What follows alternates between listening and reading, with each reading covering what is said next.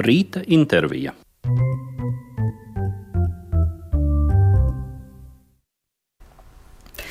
Mūsu atspērē viesojas vēstures doktors Harijs Tumans, un ar šo pēdējo konkursu mēs esam patiesībā nonākuši pie kāda nozīmīga fakta tavā dzīvē.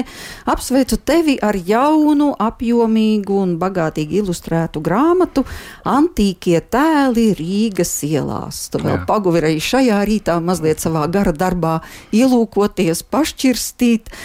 Un tā ir pavisam nesen nākusi klajā šī grāmata, un tu mums atklāji Rīgu no pilnīgi jauna skatu punkta. Tu analizē un skaidro šīs antīkās izcelsmes tēlus un sižetus, arī pat dekorus un uzrakstus uz namu fasādēm. Un, jā, protams, te gan radiomājas varoņi, gan daudzas citas zināmas, nezināmas personas, bet kā tev radās šī ideja padarīt tos atkal atpazīstamus? Nu, tā bija nejaušība. 2014. gadā man vajadzēja nolasīt publisko lekciju universitātē, bet ar vienu noteikumu, ka nu, tēmai vajadzētu būt saistīta ar Latvijas vēsturi, bet es esmu antikais vēsturnieks un mana tēma ir Grieķija un Roma. Nu, es uz brīdi biju tā stipri aizdomājies, man nebija tēmas. Nu, taču man palīdzēja sieva. Vienreiz uh, sēžot pie vakariņa galda, spriedām par šo jautājumu, ka ir iespēja nolasīt, bet nav tēmas. Tad viņa man pēkšņi pateica, ka paskaties taču uz nama fasādēm, cik daudz antiko tēlu Un, un tā bija ģeniāla ideja. Tad, tas bija tā, tā sābols, kas Ņūtonam uz, uzkrita uz galvas. Tu saprati, jā, protams. Un tad es sāku vākt materiālus. Uh, decembrī es uh, nolasīju lekciju un sapratu, ka man materiāla ir tik daudz, un ka ar to vēl tik daudz, kas jādara, kas jāstrādā, ka es sapratu, ka, jā, ka nu, ir, ir jāsāk nopietnas pētījums un sāk strādāt. Un, uh, un tā sešu gadu laikā es to grāmatu uzrakstīju. Un vēl vienu gadu vēl grāmata tika gatavot izdošanu, labot, redigēta. Tā kā pavisam septiņu gadu laikā grāmata ir tapusi. Bet kopš brīža, kad šis Ņūtona ābols nokrita uz galvas līdz izdošanas brīdim, tas nozīmē, ka acīm redzot, tas bija tas laiks, kad tu pilnīgi citām acīm arī sāki vērot katru ielas stūri, Jā. katru portālu un vispār visu, kas tev apkārt vēl uzmanīgāk droši vien. Nu, es, kā es teicu, es uh, mainīju savu attieksmi pret Rīgu, ja, jo, kā es teicu, es tā, tāpat kā visi pārvietojos no punkta A uz punktu B un nepievērsu uzmanību tam, kam man ir apkārt. Ja. ja man vajag parādīt kādiem draugiem, ciemiņiem un ārzemniekiem Rīgu, tad es tam pievēršu uzmanību, bet ikdienā nemaz ne. Un tad, kad es sāku vākt materiālus, tad es bez fotoaparāta vispār uz Rīgu nekur negāju. Vienmēr, vienalga, kur es eju uz centru, uh, tad man bija fotoaparāts līdzi, un es sāku pētīt fasādes. Un tad pēkšņi es ieraudzīju, ka pat tajā maršrutā, kas man ir pa ceļam no mājām uz darbu, no, no trolbusa pieturas, pareizāk sakot, līdz fakultātei, ja, kas pa ceļam ieraudzīja, ka izrādās, ka tik daudz antīko kaut kādu elementu un sižētu, gan tēli, gan dekori, ko es agrāk nebiju pamanījis. Nu, tad tas es ļoti aizravos, un šis darbs man bija ļoti aizraujošs, jo es atklāju kaut ko jaunu. Un tad atkal, tad, kad es safotografēju, teiksim, un datorā sāku apstrādāt tas bildes, izvēlēties tur šķirot un tā tālāk, un tad es sāku ieskaitīties tajos attēlos, nu, saka, pamanīt jaunas detaļas un tādas nianses, kuras tā, nu, no ielas skatoties pat nepamana. Un, un tad es sapratu, ka jā, tas ir ļoti aizraujošs stāsts. Tā kā, nu, tā kā tiešām kaut kāds detektīvs, jā, ka tu tagad jāatšifrē šie tēli, ko tas nozīmē, kompozīcija, ka ir nozīme katrai detaļai, jā, tam žestam, kat, kaut kādam elementam, jebkurai detaļai ir nozīme. Un tad, kad tu saliec kopā, tad tu iegūsti to kopā, nu, tad var saprast, kas tad ir attēlos. Un tas ir radies ļoti aizraujošs stāsts. Tas tiešām tā kā atšifrēt senos tekstus, ja, ko, ko līdz šim neviens nevarēja lasīt, un tagad pēkšņi mēs, mēs to lasām. Ja. Tas arī bija mans darba mērķis ja, - parādīt cilvēkiem, pašam izlasīt un parādīt cilvēkiem tos tekstus, kas ir rakstīti uh, Rīgas nāmu fasādēs. Cik lapas ir šī grāmata? Vienkārši viņa ir tik apjomīga. À, pats autors pat es nezinu uzreiz no galvas lapu skaitu. À, nu tagad es skatos 570 piektā pēdējā. Jā. Nu, tur ir ļoti daudz ilustrācijas.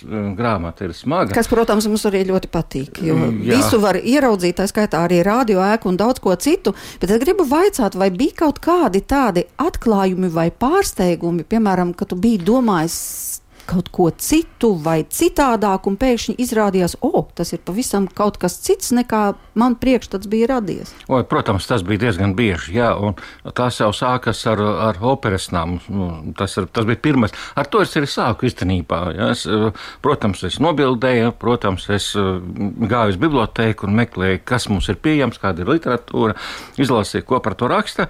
Un tad, kad es sāku analizēt, es sapratu, ka lasītāji lasītājs un redzētājs neiet kopā.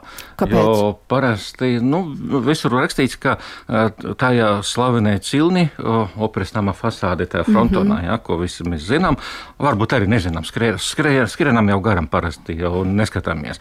Tad, ja paskatās, tad to centrāla figūra ir nu, tāds skaists tēls ar liru rokās, un visur var izlasīt, ka tas ir Apollons. Nu, vispār jau loģiski, Apollonu gan jaunais laikos, gan senais laikos attēloja ar liru rokās.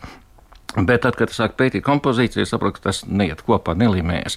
Uh, Bet un, kāpēc nelīmējas? Nu, tādēļ, ka tā sanāk, ka tur tagad divi apeloni būtu. Jā, pa labu, pa labu tā nedrīkst būt. tā nevar būt, jā.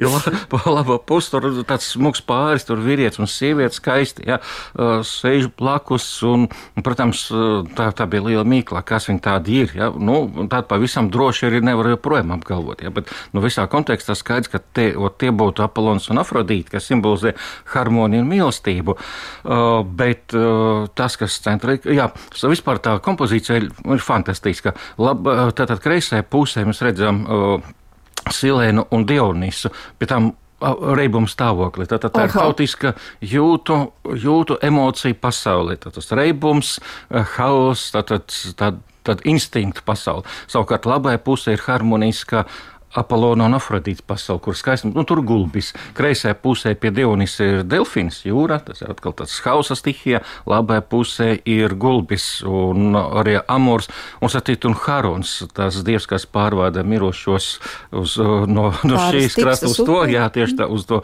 vinsālu, un harons guļ sapņaini nolicis uh, savus airus, un klausās mūziku. Ja? Tātad viņš nestrādā. Tātad, un tas ir par ko? Tas ir par kaut ko citu. Ja? Tas nav vairs apelons par apelonu pasauli. Un tad es atradu laikmetīgas preses liecības. Jāsaka, ka cilvēki, kas tie žurnālisti, kas aprakstīja operas namu tajos laikos, proti 60. gados, viņi paši labi nezināja visu tēlu nozīmi. Viņi minēja to, to labi redzēt viņa tekstā, bet viņi zina oficiālu kompozīcijas nosaukumu. Un tas ir tas skan tā Mahta der poezija, proti dzējas vara. Nu, un, jā, dzējas vara, tad nu, pilnīgi skaidrs. Tāda veida apstiprinājās arī mana versija par to, ka centrāla figūra ir nevis Apollons, bet Orfejs, jo Orfejs ir atbildīgs par dzēju. Un tādējādi Orfejs ir tas, kas nes harmoniju ar savu mākslu. Respektīvi, šī kompozīcija uh, nu, stāsta par mākslas uh, varu, par mākslas spēku, par mākslu, kas nes pasaulē harmoniju un skaistumu. Lūk, mēs ļoti daudz jaunu uzzinājām par šo operas sižetu, un droši vien tagad arī lūkosimies pavisam citādām acīm uz to. Bet redz, tu minēji Apollonu, un es esmu ielikusi ēterā tādu vienu senu grieķu himnu, ko iespējams tu arī nekad neesi dzirdējis, jo tā nāk no mūsu kolēģa cienījumā Oļģēta Šusta krājumiem. Un tā ir himna Apollonam, kurā dzied vīri un arī skan stīgu instruments, viens kītars. Es esmu dzirdējis tādas rekonstrukcijas, tā kā varbūt tas ir tas Bet pats. Varbūt tā ir cita. Varbūt arī cita, jā, ir rekonstrukcijas dažādas. Hosanna Victorim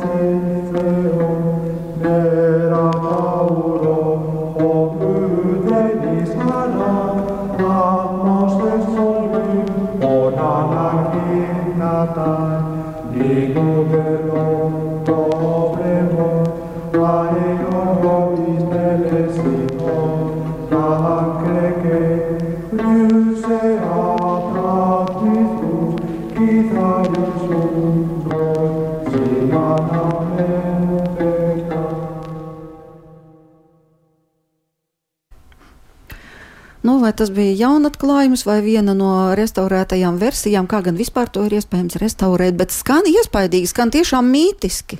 Jā, nu kaut ko tādu esmu dzirdējis, kaut ko līdzīgu. Tā varētu būt bijis senajā nu, Grieķijā. Varētu būt, lai gan tas ir nu stipri, nu tā, tas ir tā, kā mēs to spējam uztvert. Jo nošu pieraksti ir saglabājušies fragmentāri Delfos, Delfos veitnīcā un, un vēl kaut kur uz papīra. Un tos nav atceros. iespējams atšifrēt? Nu, bet ir kaut kādas zīmes, bet ko tas nozīmē, jau nav paskaidrojumi. Līdz ar to, kā mēs tas zīmes izlasām, tas atkarīgs no mums pašiem.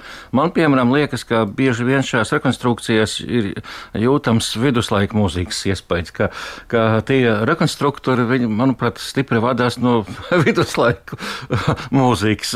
Bet tas ir subjektīvs, absolūti nekompetents mans, mans spriedums. Jā, es nezinu, bet mēs to dažādi varam to uztvert. Tur kaut kāda, protams, principi ir, bet kā es jau nezinu.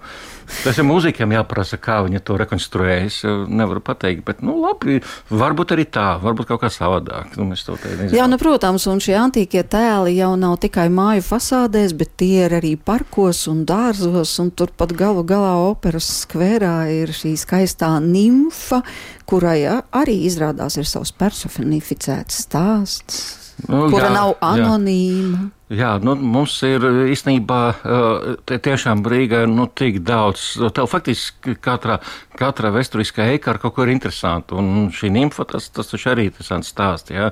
Nu, tas ir Augusta Folca meistardarbs. Nu, vispār, manuprāt, visvairāk skaistu skulptūru ir Rīgai devis nu, tieši vācu telnieks Augusts Folcs. Un par viņu starp citu ir grāmata, ko uzrakstīja Nāra Apena, tā ka, ja kādam ir vēlme, var atrast un palasīt ļoti, tas ir aizraujošs stāsts par, par šo telnieku, viņš tiešām būs skaistākās skulptūras, visvairāk tieši viņš ir radījis. Nu, ne tikai viņš, protams, Rīgu greznoja, bet viņa skulptūras kaut kā visvairāk zināmas, un tā skaitā arī šī uh, nimfa. Uh, nu, par to klīst leģendas, ka uh, viņš uh, iemīlējās uh, šajā modelī, tā meitenē, kas tēlo šo nimfu, un pēc tam aprecēju, ka tā esat bijusi latviešu meitene. Nu, to leģendu bija dzirdējis jau ļoti sen, man liekas, jau bērnībā. Uh, taču tad, kad sāk Ar to nodarboties, nu, bija pilnīgi skaidrs, ka, nu, diemžēl, nu, tā ir tikai pasakiņa, ka neatbilst nekādai realitātei. Ja tas, ka viņš ir atbraucis uz Rīgu, iemīlējies latviešu meitenē un viņu apprecējis, un, tas, un, vai tas, vismaz iemīlējis. Tas, tas stāsts vienkārši, ja, diemžēl, diemžēl ir tāds izdomājums, uh, bet kaut kāda patiesības daļa tur tomēr ir. Jo uh, tad, kad Folks aizbrauca uz Rīgu, viņš atbrauca īstenībā uz vienu īsu brīdi, uh, lai piedalītos uh, Fabu nama dekorēšanā. Nu, tā tad Baroniela uh, 12. Jā, tas slavena. Mēs to namu pazīstam kā Benjamina namu. Jā, un tur, tur arī ir antīki jā, tēli. Tur ir ļoti skaisti tēli. Jā. jā, tur gan uz ielas fasādes, uz Baronielas, gan arī iekšā pagalmā. Tur stācīts smukāk meitenē. Jā. Uh, un šīs skulptūras ir uh, radījis tieši Folks. Viņš atbrauca, pabeidza šo projektu un palika. Sākumā nebija plānots, ka viņš paliks Rīgā, bet viņš palika. Uh, un tad, kad es jau staigāju un vācu materiālu, fotografēju tās skulptūras, es jau biju jau izveidojis kaut kādu priekšstatu par, par Folca daļrādi, un es pamanīju vienu lietu, šķirojot fotogrāfijas, proti ka viņa sievietes, skaistās sievietes, viņš tiešām rādīja fantastiski skaistus sieviešu tēlus. Manuprāt, viskaistākie Rīgā ir tieši viņa radītie tēli. Tad, lūk, ka principā vairāk vai mazāk tā ir viena tā pati seja. Viena tā pati meitene. Un tad man radās ideja, ka Folks atbrauca, atrada šeit modeli, un iemīlējās, un arī palika uz visiem laikiem. Uh, bet atkal, kad es paņēmu rokā Sināras apēnas grāmatu par Fulcu, izrādījās, ka ka tas, tas neatbilst patiesībai. Viņš atbrauca ar sievu un bērniem. Viņam, tātad, viņš jau bija precējies, viņam bija daudz bērnu, bet tomēr šajā stāstā ir arī kaut kāda patiesība. Tādēļ, ka 20. gadsimta sākumā sieva nomira, un pēc tāda samērā neilgā laika, pēc pāris gadiem, ja nemaldos, viņš apprecējās ar citu sievieti, kur sauc Olga Jūlija Kalniņa. Tātad tā bija latviešu meita meita, latviešu meitene Olga, un, un bija laimīgs ar viņu. Un, kad es ieraudzīju viņa krušu tēlu, ko viņš radīja, kur viņš parādīja sevi un savu sievu, šo Olgu, tad es sapratu, ka nu, manai domai arī kaut kāds pamats, respektīvi, viņš savu olgu iztēlojas kā to skaistu meiteni, kuru viņš visu mūžu ir attēlojis savās skulptūrās. Viņš viņu stilizējis tādā pašā stilā, un jāsaka, ka tur tiešām viņa ir līdzīga. Skatoties uz viņas fotogrāfiem, var saprast, ka tās tā arī ir. Var sakot, viņam visu mūžu ir bijis sievietes ideāls, kuru viņš realizēja, iemiesoja savās skulptūrās, un beigās viņš aprecēja šo ideālu. Un šis ideāls bija tiešām latviešu meitene. Lai gan ne tā pati, kas tā nimfa, ja, kas operas priekšā, bet, bet tomēr viņš tiešām aprecēja latvieti un, un bija laimīgs savā ģimenes dzīvē jau līdz savai nāvei. Jā, tā tad Olga Kalninga kļuva par viņa mūzu, un mums ir arī himna mūzām no šiem pašiem krājumiem. Nu,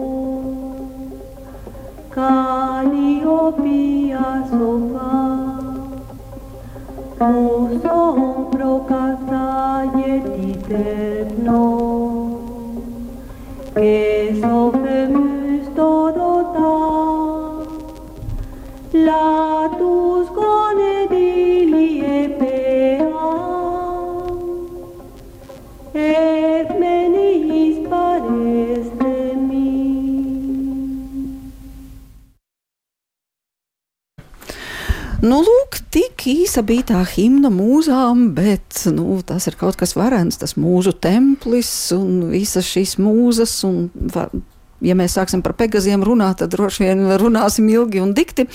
Bet daudzas sēkas arī šeit Rīgā ir celtas 19. gadsimtā, tātad klasicisma laikmets, un klasicisms atgriežas pie šīs antīkās kultūras vērtībām. Vai tev ir pamatojums, kāpēc, pēc kā bija noilgojusies tā laika sabiedrība, gan Latvijā, gan arī Rietumē Eiropā, Kāpēc šī atgriešanās pie antīkās pasaules? Es pat teiktu, ka tā bija nevis atgriešanās, bet uh, turpinājums. Jo faktiski uh, jauno laiku Eiropas kultūra jau izauga tieši uz antīkā mantojuma pamata.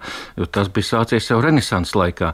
Faktiski jau tā vispārīgi ņemot, Eiropas kultūra ir divi pamati, divi balsti, divi avoti. Tā ir Bībele, tā ir kristētība, un otrs ir šis antīkās kultūras mantojums. Tā kā principā, ja mēs gribam saprast Eiropas kultūras mantojumu, mums jā jās, jāzina šie divi avoti. Jo bez tā mēs neko nevaram saprast. Pat ieejot kaut kādā mākslas galerijā, skatoties uz gleznām, ja, mēs nesaprotam izvērts, par ko vispār ir runa. Ja. Es šeit un tā uh, pajautāju studentiem, uh, nu, pārējais pirmā kursā, uh, vai viņi uh, saprot gleznas nosaukumu tepat mūsu mākslas muzejā, uh, gleznas nosaukums ir Odisejs un Nauzikāja. Nu, kas ir Odisejs, visi zina, kas ir Nauzikāja, nu, tad parasti neviens arī nezina. Ja. Uh, tātad, un un tā, tā tālāk. Jā. Nu, atklāja mums to noslēpumu katram gadījumam. Oi, nu tas ir garš stāsts. Tas ir Labi, bet tika... īso versiju. Nu, tā ir uh, viena valdnieka meita uh, uz fantastiskas Hērijas salas, jā, kas, kas viņu izglāba, aizveda pie savu tēva, un nu, tur tad viņš tika uzņemts viesmīlīgi un saņem kuģi, un pēc tam varēja atgriezties mājās. Ja? Bet, kad viņš uh, pēc cietis katastrofu uz jūras, faktiski viens pats uz, uz baļķa, tur, kur Poseidons viņa metājas pa jūru, viņš tika izmests krastā, pārgulēja kaut kur krūmos, kad, kad viņš iznāca ārā no krūmiem, kad šī princese Nauzikā ar savām kalponiem spēlēja bumbu piekrastē. Un tad, un tad attiecīgi, meitenes nobijās, princese atpazina pēc skata, ka tas ir nu, varonis, ka tas dišas ir cilvēks, ar kuru var sākt sarunu, un tad arī sākas viņa saruna. Tieši tas moments, tās gleznas parādīt. Nu, tas tur tiešām garš stāsts, bet, var sakot, es gribēju teikt, ka klasicisms jau ir renesanses turpinājums. Un, ja mēs paskatāmies uz uh, Eiropas arhitektūras formām, sākot no renesanses un līdz pat 19. gadsimta beigām, tad mēs redzam, ka visi arhitektūras stili, visi, vienalga, mēs, par ko mēs runājam, tas ir baroks vai rokoko vai, vai klasicisms vai pat eklektisms, jā, mēs visur pamatā redzam šīs pašas antīkas formas. Tātad tie paši portīgi, frontoni, kolonnas, pilastri, ja, kapiteļi un antīkas skulptūras tā skaitā. Vienkārši tā bija Eiropas kultūras tradīcija, kura kurā sāk nu, teiksim, transformēties 19. gadsimta beigās. No tā sāk atteikties tā rādās jūgens stils, kā, kā uh, klasikas noliegums.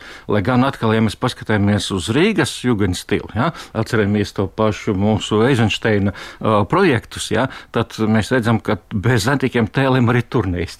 Mūsu jūgens stils arī izmanto antīkos tēlus, lai gan jūgens stils centās no tā aiziet. Uh, bet vienalga pēc tam bija atkal neoklasicisms, ja, jaunais formās sacīto, pie kurā pieskaitāms ir jūsu radio nams. Ja? It kā jau bija funkcionalisms, sāk rasties, protams, tās praktiskas formas, kad uh, faktiski sākās atteikšanās no arhitektūras. Ja? Kad nevajag nekādu skaistumu, ir tikai pragmatisms, un ēkas sāk pārvērsties par tādām, par tādām smagām kastēm, vienkārši bez, bez formas kaut kādas, ja? bez, bez dekoriem. Uh, nu, tad arī tomēr vēl kādu laiku vienalga Mēs redzam atgriešanos pie antīkiem pamatiem, un tikai faktiski jau jā, pēc otrā pasaules kara notika pilnīgi radikāla teikšanās no klasikas un arhitektūras vietā. Mēs redzam tehnoloģijas un, un or, oriģinalitātes meklējumus. Ja? Bet kamēr Eiropā bija dzīva klasiskā tradīcija, klasiskā arhitektūra, tad mēs vienmēr redzam šīs antīkas formas, tās pamatā. Un, protams, arī antīkos stēlus dekorā. Jā, bet kas mūs šodien vieno ar to antīko pasauli? Vai nu vērtībās, vai kultūras izpratnē, vai nezinu, emocijās, kaut kādi ir saskares punkti, kur mēs varam teikt, tas mums ir kopīgs, mēs to glabājam, mēs to attīstam. Nu, tas tik, ir mūsu. Tik lielā mērā, kamēr mūsos vēl ir dzīva Eiropas kultūra, tikmēr mēs esam ar to saistīti. Bet, protams, ar vien mazāk. Mēs zaudējam kultūru un zaudējam sevi kultūru un, attiecīgi, zaudējam arī, nu, arī saikni ar antīko pamatu. Ja? Tas taču ir kaut kā izglītības modelis. Ja? Tieši no antīkās kultūras mēs ieguvām šo ideju par vispusīgi, harmoniski attīstītu cilvēka veidošanu izglītības sistēmā. Nu, tagad mums ir kas kompetence, ja? kaut kāda praktiskas utilitāras iemaņas, un tā visās jomās. Jo vairāk mēs utilitarizējam savu dzīvi, jo mazāk mums saikne ar kultūru. Jo mazāk saikne ar kultūru, jo mazāk saikne ar, arī ar antīkām kultūras saknēm. Tas ļoti saistība. Tā kā viss, kas mums ir no kultūras ir palicis, tas viss arī mums saistā. Ja? Gan mākslā, gan izglītībā, gan filozofijā, gan literatūrā. Visur, visur, visās dzīves jomās. Ja? Nu, maz nerunāt par, par leksiku, cik daudz mēs lietojam antīkus vārdus no Grieķijas, no, no Romas, pat nezinām to ļoti bieži. Ja? Piemēram, cerbers. Nu, vai cerbers, jā, stāv kaut kur pieejas, jā, kaut kāds sarks nelaiž iekšā, cerbers. un mēs to saucam par cerberi. Jā, vai tā, arī tā nu gan ir himēra. Nu, Bet es, piemēram, tikai fūrija. vakar uzzināju, ka himērā no priekšpuses ir kā lauva, no aizmugures ir kā puķis, bet pa vidu ir kā kaza. Kas jā. to būtu domājis? Jā? jā, jā, Bet tas, jā, protams, jā. nav nekāds pozitīvais tēls. Jā. Bet šos visus tēlus mēs varam atrast tavā jaunajā grāmatā. Es domāju, ka, protams, gidiem tā ir saldā medus maize to visu pētīt un tad atkal tālāk stāstīt turistiem, ekskursantiem. Bet tu minēji šo kultūras jomu un arī reiz stāstīji par uh, stūra māju, stabu ielā, kur ir kāda ļoti nozīmīgi nofiksēta attieksme pret kultūru. Jā, tas uh, cilnis uh, turmājas augšā man ļoti patīk. Tas arī bija atklājums.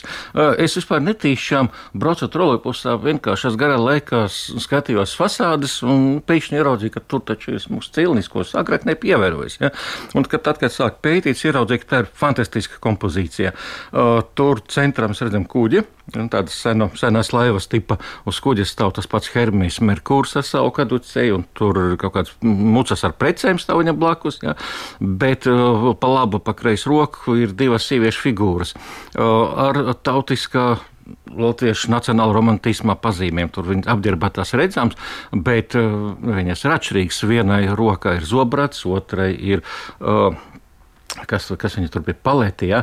Uh, uh, tagad, viņš jau pats, pats aizmirsu, uh, bet katrā ziņā tātad mēs redzam pa vienu pusi, vienā pusē pa labi, mēs redzam ražošanas simboliku, tad zobrāts un tur fabrikas dūmus un aeroplāns pat lido. Ja?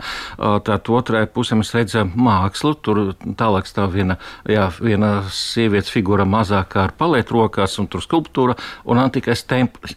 Tātad mēs redzam divas pasaules. Pa labi, pa kreisi no Merkūra.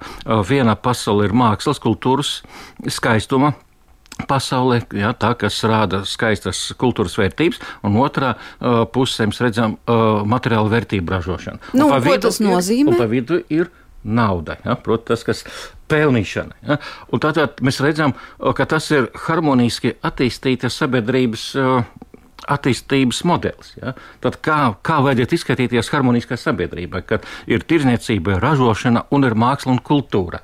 Tātad naudas pietiek visam. Ja? Un tikai tā nu, arī rodas nauda. Tā, tā, jā, tā tas viss kopā arī nozīmē tautas attīstību, kad ir nauda, ražošana un kultūra. Nu, viss ir pilnīgi manifests izstrādāts. Tas ir manifests, jā, jā, jā tas ir manifests. dzīvot mums kā tālāk, dzīvot. Mums, kā, mums faktiski kaut kas trūks šodien, jā, no, tā, no tās harmoniskā komplekta, jā, diemžēl. Tā kā tas ir īstenībā atgādinājums mums, kā vajadzētu veidot harmonisku sabiedrību, jā, ka nedrīkst aizmirst par kultūru, par izglītību. Es domāju, ka to visu ir ļoti priecīgi dzirdēt arī šobrīd mūsu klausītāji, savukārt profesors Harijs Tumans. Tie tiešām tagad ir nopelnījis kafiju.